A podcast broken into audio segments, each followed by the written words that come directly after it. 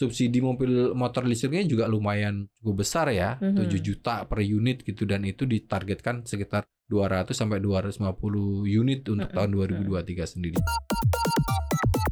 Ternyata di IMAS ya kemarin ya terakhir ya di apa eh, moto show kemarin itu di bulan Februari kendaraan listrik itu termasuk salah satu yang menyumbang penjualan mobil yang cukup Wow. besar juga di 2023.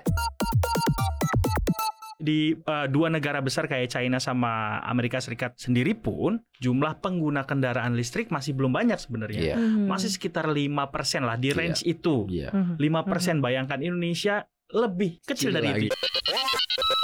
Koneksi. Konten ekonomi seksi. Sobat Cuan, selamat datang di podcast Cuap Cuap Cuan Apa kabar Sobat Cuan? Semoga selalu dalam kondisi baik dan sehat dan bahagia dan sejahtera Itu berarti bahagianya dari lahir, batin, Amin. kantong Komplit Amin. ya Amin. Amin Ketemu lagi hari Rabu seperti biasa di Koneksi Konten Ekonomi. Seksi. Widih, ada yang baru nih di koneksi nih Newbie, udah lama banget Kamu saking sibuknya ya mengurus program-program Di CNBC sampai gak mau mampir ke jam-jam Aku udah berapa kali loh ya. Iya. Dan ke depannya masih berapa kali lagi? Aduh, Masih terus ya ditunggu loh sama Sobat Cuan ya. Seperti biasa di koneksi ada Mario Katarina Kemudian ada Mas Maruf di sini Head of Research CNBC Indonesia. Kemudian ini ada Mas Ramlan, produser CNBC Indonesia TV yang suka nonton Invest Time, Autobis, dan lain sebagainya program-program malam lah inilah rajanya ya. Raja program malam. Ketahuan sekarang ya. Muncul Mukanya nih. gelap. Wey, Karena malam. Anak malam. Yang jelas bukan awan gelap, sudah lewat awan gelapnya ya. Kenapa ada di sini? Karena pas banget kita nih akan relate banget bahasannya dengan apa yang selama ini disajikan oleh Mas Ramlan dan tim juga di Invest Time gitu ya di CNBC Indonesia terkait mengenai kendaraan listrik nih ya. Lagi Ini kan seksi. Makin ke sini kayaknya makin jelas. Kelihatannya Hmm, gitu iya. nggak sih? Hmm. Insentif, Iya. terus kemudian di jalanan sih aku kayak udah Betul. ngeliat lumayan rame tuh, Mm. guling-guling mungil warna-warni Ih, itu. Iya. Bener banget. Bener kan ya? Iya. Sudah Terus di kompleks rumahku kayaknya ibu-ibu mau nganterin anaknya kayak pakai itu gitu ya. Bentuknya sekarang. aneh gitu kan. Iya bentuknya. Agak unik. Terus ternyata di IMAS ya kemarin ya terakhir ya di apa eh, moto show kemarin itu di bulan Februari kendaraan listrik itu termasuk salah satu yang menyumbang penjualan mobil yang cukup Wow. besar juga di 2023 dan Hmm. surprisingly banget itu ya nggak Hmm. diduga juga dan sekarang ternyata dilanjutin lagi dengan berbagai macam insentif yang diberikan baik itu untuk motor dan juga mobil Iya. nih. Hmm. Tapi kan kalau kita lihat nominal insentifnya udah oke belum sih dan Iya. kesiapannya. Nah, kita starting dulu deh. Indonesia semakin jelas nggak sih Iya. menurut Mas Maruf nih untuk ken- eh, kendaraan listrik?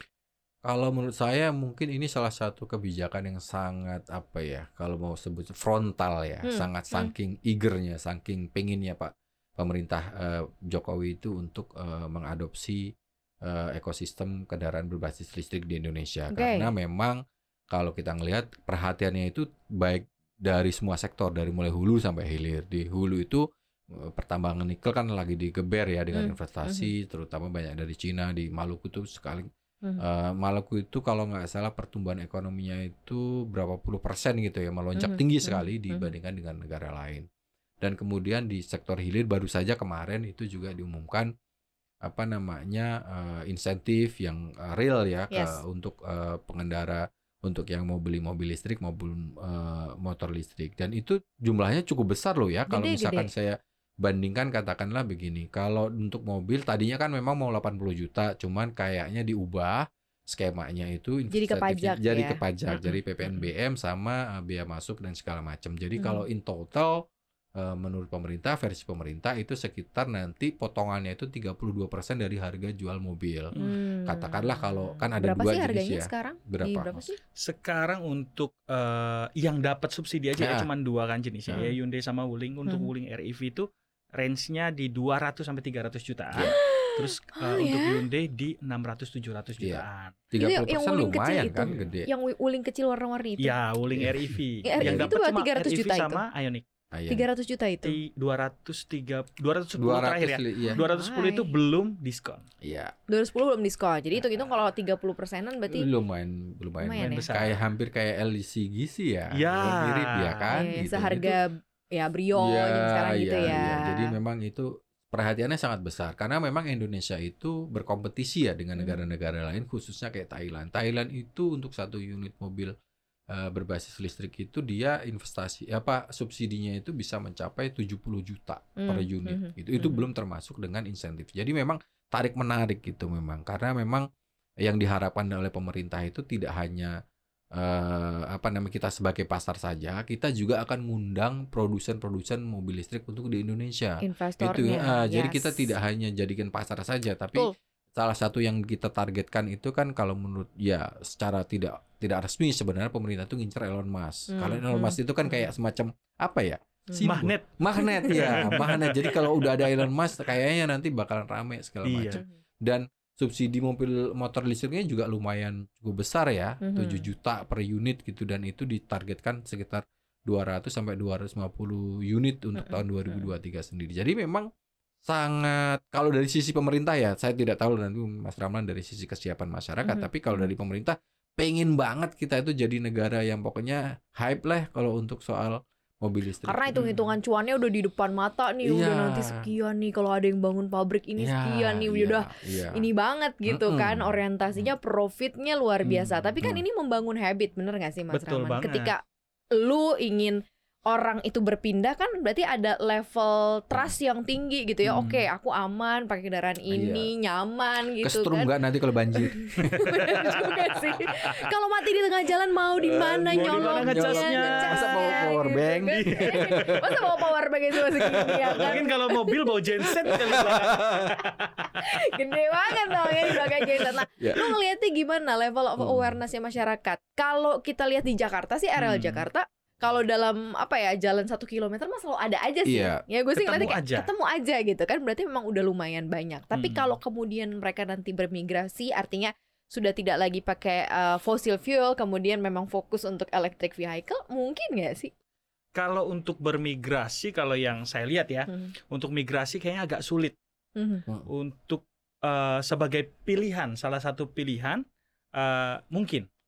Karena kebanyakan Artinya adalah biasanya mereka udah punya yang udah fosil, punya mobil yang punya berbahan yang bakar listrik. fosil eh, di untuk jadi secondary vehicle-nya mereka adalah mobil listrik. Mhm. Kenapa mobil listrik? Karena mobil listrik ini punya banyak privilege ternyata, Heeh. khususnya di Jakarta. Hmm. Pertama anti ganjil genap. Wah. Terus eh, kemarin sempat dengar kan isu-isu jalan berbayar. benar benar iya, benar iya. benar benar benar. Itu salah satu yang eh, mungkin ramai juga diperbincangkan adalah Mhm. katanya sih mobil-mobil listrik, motor-motor listrik ini nggak akan kena tuh, nggak nggak usah Oke. bayar lagi nih. Ini katanya atau memang sudah berlangsung Katanya seperti karena ternyata di Mhm. akhir-akhir eh, nggak akan diterapkan dalam waktu dekat. Jadi intinya eh, ya udah beli kebijakan sekarang gitu ah, padahal kepengen ngerasain nggak mau ganjil genap gitu kan ternyata kebijakan untuk eh, jalan berbayar itu ternyata nggak di- nggak akan dilakukan dalam waktu dekat. Masih Mhm. eh, panjang lah studi tentang kebijakan tersebut dan eh, untuk ganjil genap sendiri memang eh, itu benar-benar berlaku. Jadi oke untuk mobil-mobil yang punya plat ada strip birunya Iya. atau mobil Agak listrik lucu ya. itu nggak usah lagi nih takut eh, mau hari apa aja mobilnya dipakai bisa. Hmm, oh lu jadi Gitu. jangan ngiri lo tiba-tiba genap terus lo ngelihat ada mobil, Mobil- listrik masuk ganjil ya karena memang privilege-nya salah satu Iya. itu Hmm, gitu ya betul di Jakarta privilege-nya itu. Jadi boleh lewat eh, jalur ganjil genap kapan pun. Hmm. Gitu. Apakah pemerintah kemudian tidak berpikir dampak lanjutannya lah? Damp- Iya. dampak lanjutannya atau enggak sih Mas Maruf? Karena Iya. kan ya ini kan kayak mendorong kalau misalnya dibilang migrasi nggak mungkin berarti meninggalkan sepenuhnya Iya. nggak mungkin. Tapi Hmm. ada second opsi mereka punya mobil listrik juga kan artinya mungkin satu rumah tangga nanti mobilnya Iya, jadi pada iya, dua iya, gitu iya. ya. Eh, tapi memang kalau di awal-awal memang baru sebagai opsi ya. Yang Hmm. diharapkan pemerintah memang dalam jangka panjang memang full migrasi dan itu Migrasi. memang masih lama. Karena di Amerika sendiri juga nyatanya juga meskipun ada Elon Musk di sana, mobil listrik juga tetap eh, yang fosil juga masih banyak Mhm. kan kendaraannya segala macam dan memang itu opsi. Yang menjadi perhatian memang sebenarnya begini kalau saya ya secara ekonomi segala macam itu adalah kenapa tidak juga subsidinya diberlakukan secara adil ke transportasi umum gitu. Iya, setuju sih. Iya. Benar Karena benar kan benar memang benar benar. karena ini akan menambah masalah baru sebenarnya dengan Betul. jumlah jeng- Mm-mm. dengan misalkan nanti dengan eh, subsidi-subsidi yang demikian luar biasa menggiurkan Mm, menurut saya juga mm, nanti mm. akan jumlah eh, kendaraan listrik itu akan bertambah banyak cuman itu akan menambah kemacetan toh Mhm. Iya. gitu. Jadi memang seharusnya eh, harus diimbangi juga dengan subsidi yang lebih ditambah untuk transportasi publik Mhm. sarana segala macam itu harus berimbang sih cuman kalau menurut saya sebagai sebuah upaya untuk eh, program pemerintah itu benar. Maksudnya itu baik baik benar karena memang kita itu eh, produsen nikel terbesar di dunia Hmm. gitu Iya. kan. Jadi Iya. sayang kalau memang yang manfaatin negara lain Negara gitu lain. ya kan. Jadi kita itu sudah ada bahan bakunya sudah ada, pasarnya juga sudah ada. Yang yang menjadi masalah ya yang prosesnya nih, ya kan. Nah, itu yang mau Hmm. ditarik oleh pemerintah. Nah, cuman sekali lagi-lagi nih. Nah, kira-kira habitnya eh, bagaimana bisa nggak mengubahnya? Karena menurut saya juga hal paling sederhana aja deh. Misalkan ini kalau misalkan banjir ke ke apa namanya kena strum atau enggak, kena kena listrik atau hal-hal kayak gitu Iya, kan iya, itu iya, kan iya. basic ya. Maksud Iya. saya Betul, itu sudah betul. tersosialisasi atau enggak gitu segala macam. Benar, karena kan kita berada di kendaraan yang Hmm. listrik nih masalahnya. Air kan adalah penghantar listrik Iya, paling iya, baik. Itu kan mau iya karena kita bukan orang elektrik kan nggak tahu bener, ya bener, kan bener. gitu. kan. Atau tiba-tiba mungkin kalau kena banjir ya langsung mati misalnya. Mati, kan. betul. Kayak Nah, misalnya handphone jatuh ke dalam air, Iya. Kelar. kelar. Jangan-jangan nih kalau kehujanan atau eh, kerendam air berapa lama udah nggak bisa dipakai Nah, lagi. Iya, iya. Terutama juga kita bicara mengenai after sales-nya kayaknya Hmm. Mas Rahmal ya. Kalau misalnya Betul. kita tahu kan kalau yang fossil fuel ya udah ada gitu eh, Bengkel-bengkelnya. bengkel-bengkelnya. Kemudian after sales-nya juga biasanya kalau dijual kembalinya ya turun lumayan lah mungkin bisa 30 50% tergantung tahun Betul. pembuatan. Tapi kalau si listrik ini gimana Mas Rahman? Di listrik terakhir kali aku eh, sempat eh, meliput di daerah WTC itu Mm-mm. memang mobil listrik masih jarang banget Oh, dijual secondnya. oh gitu. Tapi ada Oke. Eh, mungkin karena ada kelangkaan chip semikonduktor waktu itu, Hmm, hmm. justru harga mobil listrik secondnya lebih tinggi Wow, daripada harga barunya. ya? Karena waktu itu di Kan kalau misalnya harga lebih tinggi tuh kan karena demand-nya tinggi Iya kan? betul Iya. karena demand di saat itu tuh emang lagi tinggi tingginya sih Oh. meskipun pemerintah belum kasih subsidi. Heeh. Jadi ternyata uh, Wuling REV sih waktu itu karena memang banyak uh, masyarakat Indonesia ini yang koceknya ada di mobil listrik untuk tipe Wuling REV di 300 jutaan. Mhm. Nah untuk Wuling REV waktu itu sempat harganya di atas harga yang mereka tawarkan. Si Wuling tawarkan di 210 sampai uh, 270 jutaan, Mhm. dijual bisa sampai 300 jutaan karena memang Oh. antri untuk mobil itu tuh lama. Untuk indannya aja lama Iya, jadi mereka udah deh Nggak biar apa-apa cepet deh, nggak usah pakai, baru Iya. gitu ya. 300 second. juta keluar Karena untuk bener ya. nyobain. untuk nyobain ya karena memang benar opsi ya Bener Karena memang opsi, karena iya, memang bener. Mungkin lagi ini aja kali ya, Iya, lagi iya. iseng aja pengen ah pengen coba ini mobilnya lucu Hmm, gitu. itu kayaknya yang udah nggak ada lagi mikirin dana darurat apa segala macam cas beli 300 juta second Iya, juga nggak iya. apa-apa Iya, gitu ya. iya, iya. Cuman ini kan fenomena yang terjadi di uh, mobil Di ya. mobil Sementara kan listrik. motor juga sebenarnya Iya. punya uh, side yang lain ya Iya. porsinya Mm. sendiri. Bahkan ojek-ojek online pun mereka sekarang udah punya Iya, uh, dan Iya, pakai motor listrik. motor Motor listrik. Kayaknya ka- lebih apa ya lebih realize kalau imang, eh, migrasinya tuh lebih cepet di motor kayaknya ketimbang Betul. mobil nggak sih? Ah, yang Ya. aku lihat juga gitu ya, eh, untuk di mobil mungkin akan jadi opsi aja, tambah pi- pilihan aja, pilihan eh, kendaraan lain gitu. Tapi kalau misalnya di motor mungkin bisa jadi pengganti. Pertama, Hmm. harga bahan bakar minyak sekarang kan sudah eh, tidak sestabil dulu. Iya. Harganya tahu-tahu bisa naik tinggi, eh, nggak lama bulan depannya lagi turun. Hmm. terus naik lagi. Nah itulah Mhm. yang membuat orang eh, gimana eh, kalau misalnya beralih aja deh ke motor listrik, toh Hmm. harganya nggak jauh berbeda. Beda Hmm, sama hmm, mobil, hmm, mobil mungkin harganya jauh, perbedaannya jauh banget mungkin di dengan tipe yang hampir eh, mirip. Ya ya. eh, mobil bisa di harga 100 di atas 160 jutaan, Mhm. Mobil listrik di harga 210 jutaan. Jadi bedanya hampir 50 jutaan. Tapi kalau misalnya motor, bedanya nggak terlalu jauh. Harga motor itu di 18 jutaan, eh, motor listrik di 21 jutaan. Jadi beda tipis. Apalagi sekarang kalau misalnya motor listrik kita tahu mau dapat subsidi 7 Iya, juta, insentifnya. Iya. Hmm. orang makin tertarik lagi nih untuk Iya. beli eh, mobil eh motor listrik maksud saya. Nah, eh, jadi untuk motor listrik eh, kayaknya akan lebih cepat perpindahannya. Iya. Terlebih eh, beda sama motor yang BBM, motor listrik ini lebih Mhm. eh, awet lah istilahnya. Mereka nggak Oh, perlu ganti oke. oli, Oh, nggak iya. perlu Iya mikirin sih, iya sih. ganti spare part, tapi yang perlu diingat Masalahnya cuma baterai ya. Ah, kalau misalnya rusak baterainya setengah dari harga motornya. Wow. Hmm. Kayak beli baru itu. Kayak beli ambil. baru. Cuma Jangan- ganti jangan- rangka aja. Jangan-jangan pas rusak buang mau motor-motor ya ganti baru Ganti. sekalian. Bisa gitu jadi ya. masalah baru juga tuh ya motor-motor Mhm. listrik yang nggak kepake mau dikemanain nih. Iya, iya, Mhm, jadi mhm. masalah ekologi tuh gitu. Hmm. Nanti nyimpennya di mana segala macam. Cuman kalau menurut saya gini ya, eh, Mhm. kalaupun toh kita mungkin masih relu eh, masih belum mau eh, pindah migrasi ya kita kita memang ya mobilnya juga baru baru satu ya kan, Mm-mm, yang mm-mm. belum ada opsi budget lebih untuk beli itu sebenarnya sih kita bisa bisa ngandelin cuan tuh sebenarnya di situ. Ini karena Apa program disewain? cu- cuan. eh bener loh di di Iya di apartemen gue itu udah Gue mau ada yang melihat mau muka lo mau muka cari aja di segala sisi. Iya, jadi mulai disewain karena banyak orang yang pakai motor itu paling cuma sebentar. Iya, di- di- bener. opsi cuannya masih banyak. Kemudian nah untuk di capital market nih, Mm-mm. teman-teman juga harus realize banyak sebenarnya emiten-emiten yang Bener. related Ada to gesit, mobil gesit nih, gesit Iya, nih. gitu. Ada Wika. Ada banyak, Banyak. ada ada ada Antam itu kan Yes. tambang nikel, ada Inco, Vale Indonesia itu tambang nikel, ada Mm-mm. Tins tambang Mm-mm. nikel juga. Ada Selis kayak Abadi Sampurna itu dia produsen mo- eh, apa motor listrik, ada Indika Energi, Mm-mm. ada Wika, ada Toba banyak banget ya. Mungkin Jadi incer incer aja sahamnya gitu Iya, ya. ngincer saham minimal dapat berkahnya deh, dapat cuannya Iya, iya, deh. Kalau memang iya, nggak dapat mobilnya, dapat motornya, dapat cuannya kan cuannya. juga. Karena memang lagi hype, Iya, iya, iya. harga sahamnya juga pada naik semua gitu. Cuman kan ini kalau kita lihat KLBB ini kan memang mimpi besar ya. Tapi kan Iya. kita minta atau pemerintah juga kepengennya ekosistemnya dari hulu ke hilir semuanya. Iya. Nah kemarin kan sempat juga uh, banyak pembahasan mengenai kesiapan kita sebenarnya untuk bisa jadi raja baterai pun masih belum Iya. sepenuhnya karena Hmm, lithium kita nggak punya Iya, gitu ya betul. dan masih harus beli lagi dari Australia. Dan tanpa disadar kan kalau misalnya baterai kan ada negatif ada positifnya Positif, kan. ada- Nah dari ada. sisi yang uh, positifnya ini apa namanya grafir atau apa gitu ya. Aku Iya. beberapa kali uh, ngobrol sama para profesor nikel gitu ya dan dia bilang bahwa ini juga nggak pernah dibahas padahal kita juga nggak punya Nggak yang di punya. sisi Hmm. ini.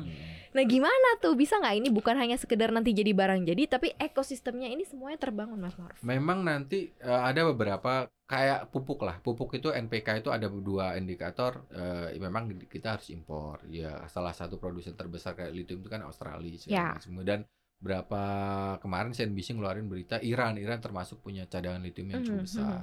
Dan memang kita tidak bisa berdiri sendiri. Cuman begini, sepanjang kita punya market, karena Indonesia itu adalah negara dengan penduduk terbesar keempat loh di dunia setelah India, Cina, Hmm. China, Amerika mhm. gitu. Jadi memang kita itu punya daya tawar yang sangat besar untuk me- menghebohkan dunia apa mobil listrik Mobil mobil listrik listrik, ini. ini. gitu. Kita punya Yes. potensi besar. Kita punya nikel sebagai salah satu bahan bahan baik baik dari baterai sampai Hmm. besinya juga kan butuh nikel segala macam campurannya dan memang ketika itu nanti diproses itu nilai ekonominya tinggi banget jadi nikel itu Mhm. bisa 11 kali eh, lipat gitu dari see. selama ini Mhm. apa namanya cuma diekspor mentah segala macam jadi memang nanti kita tetap butuh negara lain kita tetap butuh negara lain untuk impor itu Hmm. tapi itu nggak apa-apa asal itu bukan domain yang utama yang Mhm. penting kita udah punya nikel sebagai eh, di hulunya di hilirnya kita punya rakyat Indonesia yang 270 juta Iya. marketnya nggak Calon-calon konsumen gitu ya. calon-calon konsumen. Jadi memang makanya Iya, dari iya, kita iya. itu yang ditawarkan pemerintah ke investor-investor asing kan sebenarnya Hmm. untuk masuk ke Indonesia. Dan kita sendiri jangan mau juga nggak eh, ketinggalan Hmm, gitu kan ya hmm, kalau hmm. Betul. mau cuan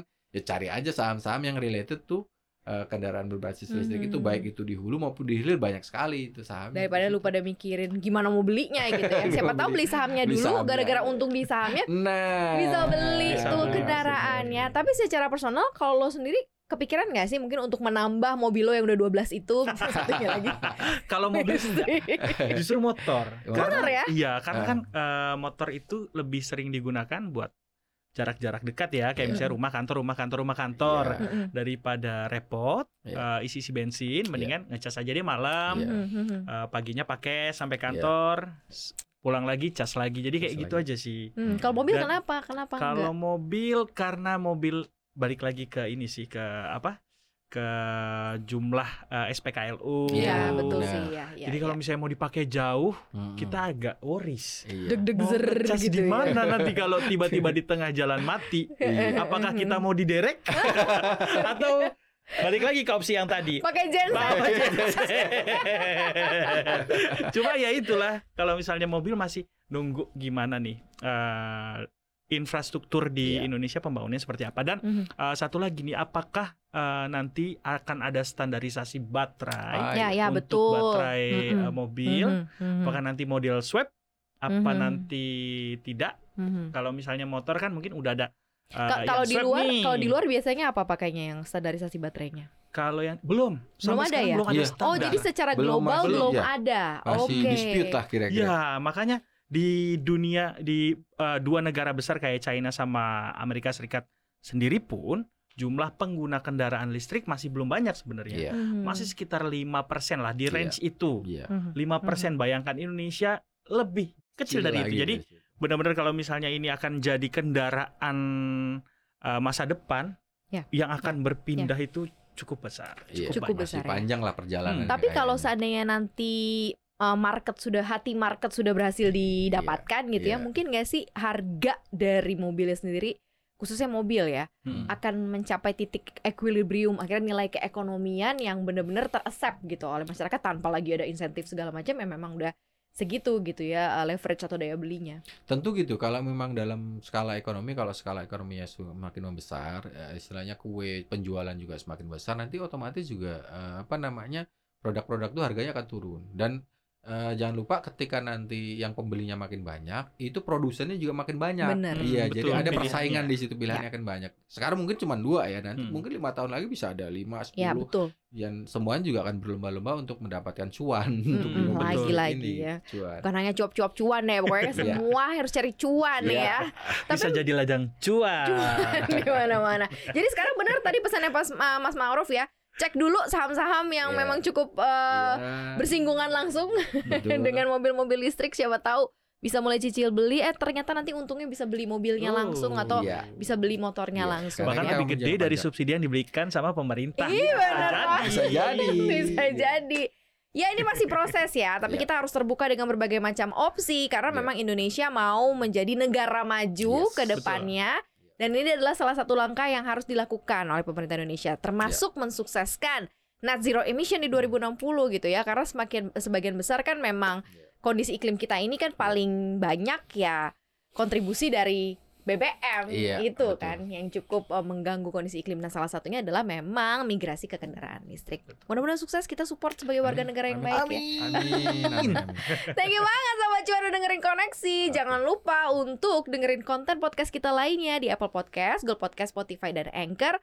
Follow akun Instagram kita di @cuap underscore cuan dan subscribe YouTube channel kita di cuap cuap cuan, like, share, dan juga komen ya. Dan podcast kita hari ini juga tayang di CNBC Indonesia TV tentunya. Thank you banget udah dengerin kita. Maria pamit. Ma'ruf pamit. Roblan pamit. Yes, Bye-bye. bye-bye.